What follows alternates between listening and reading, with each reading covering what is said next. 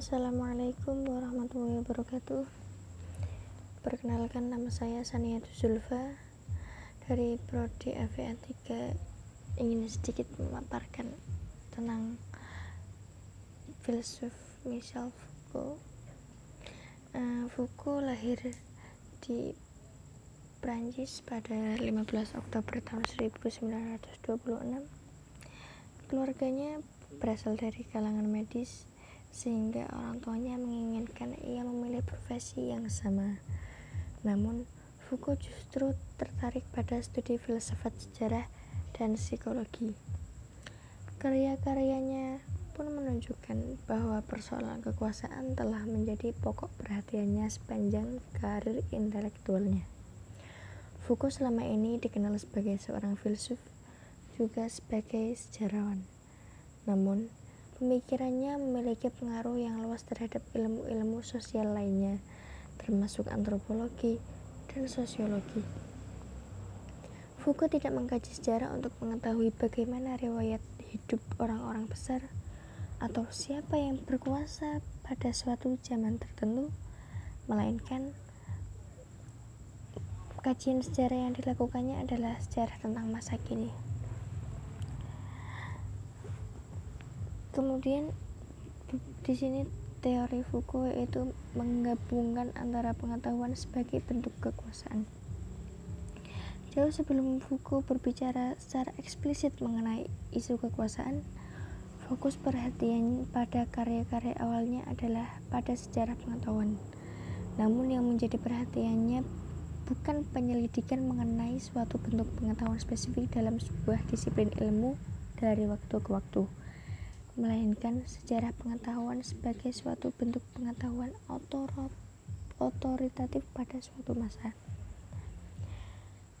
Nah, penyelidikan sejarah ini sendiri bertolak dari pertanyaan bagaimana suatu bentuk pengetahuan, tetapi tentang bagaimana konsep-konsep atau pernyataan-pernyataan yang terorganisasi secara tematis sehingga ia menjadi otoratif dan legitimate dalam menerangkan segala sesuatu. Suatu bentuk pengetahuan dalam pandangan Foucault dari masa ke masa bukan suatu perkembangan yang evolutif, melainkan sebagai pergeseran dari satu bentuk untuk pengetahuan ke, ke bentuk pengetahuan yang lain yang otoratif pada masa tertentu sebagai sebuah rezim wacana. Arkeologi digunakan dalam studi filsafat sejarah untuk menangkap apa yang disebut oleh Foucault sebagai epistem. Apa sih epistem itu? Nah, sebelumnya saya akan menjelaskan terlebih dahulu apa itu epistem.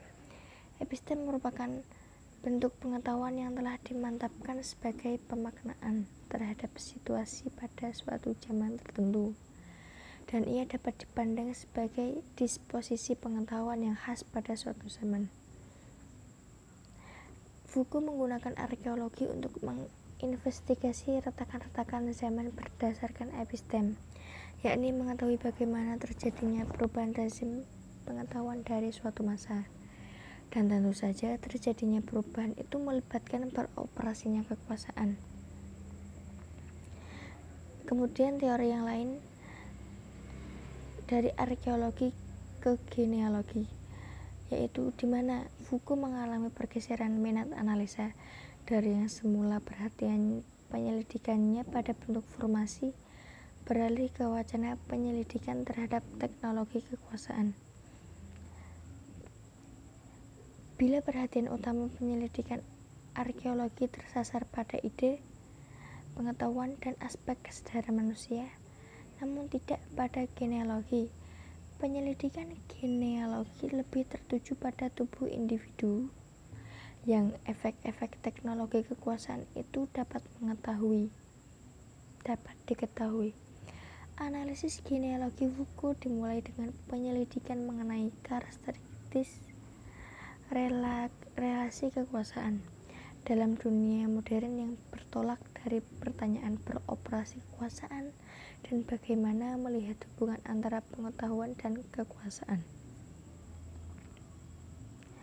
uh, teori selanjutnya yaitu yang beroperasi terhadap tubuh individu merupakan gambaran dari bentuk disciplinary power yaitu teknologi kekuasaan yang dijalankan untuk mendisiplinkan tubuh dan membuatnya menjadi tubuh yang patuh dan berguna.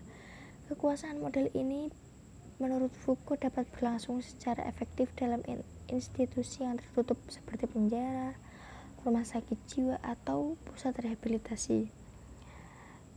Kemudian, gagasan penting yang lain dari Foucault yaitu governmentality ini disebut juga sebagai conduct of conduct artinya negara mengatur tindakan atau perilaku masyarakat dengan cara menginternalisasikan pendudukan itu agar ia menjadi populasi yang patuh sebagai bentuk rasionalisasi beroperasinya kekuasaan. Governmentality tidak lain dapat juga dipandang sebagai bentuk cara yang legitimate dan benar dalam mengatur sesuatu yaitu populasi dan sumber daya. Sekian dari saya. Uh, sekian yang dapat saya sampaikan dan jelaskan. Wassalamualaikum warahmatullahi wabarakatuh.